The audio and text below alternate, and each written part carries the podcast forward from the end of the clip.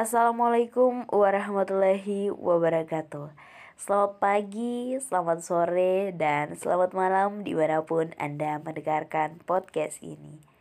Hai sahabat literasi. Ini merupakan podcast pertama kami. Nah, pada kesempatan ini saya mau memperkenalkan sebuah komunitas literasi Sebelumnya, perkenalkan nama saya Lista Ristiani Yunus. Saya adalah salah satu anggota komunitas yang saya memperkenalkan ke teman-teman, yaitu komunitas literasi yang diberi nama Aksioma. Hmm, mungkin ada yang bertanya-tanya, apa sih aksioma itu? Nah, aksioma adalah akronim dari Aksi Literasi dan Forum Ilmiah. Awal pembentukan komunitas ini adalah buah dari kesamaan ide dan hobi pada literatur.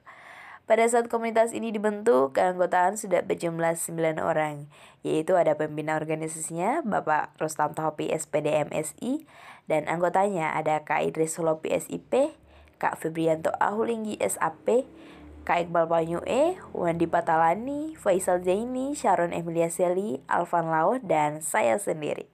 Tujuan kita adalah membumikan literasi melalui budaya membaca, menulis, serta mendengar baik informasi, sastra, maupun karya tulis ilmiah lainnya. Nah, ke depannya sahabat-sahabat bisa langsung dapat mengunjungi media sosial kami.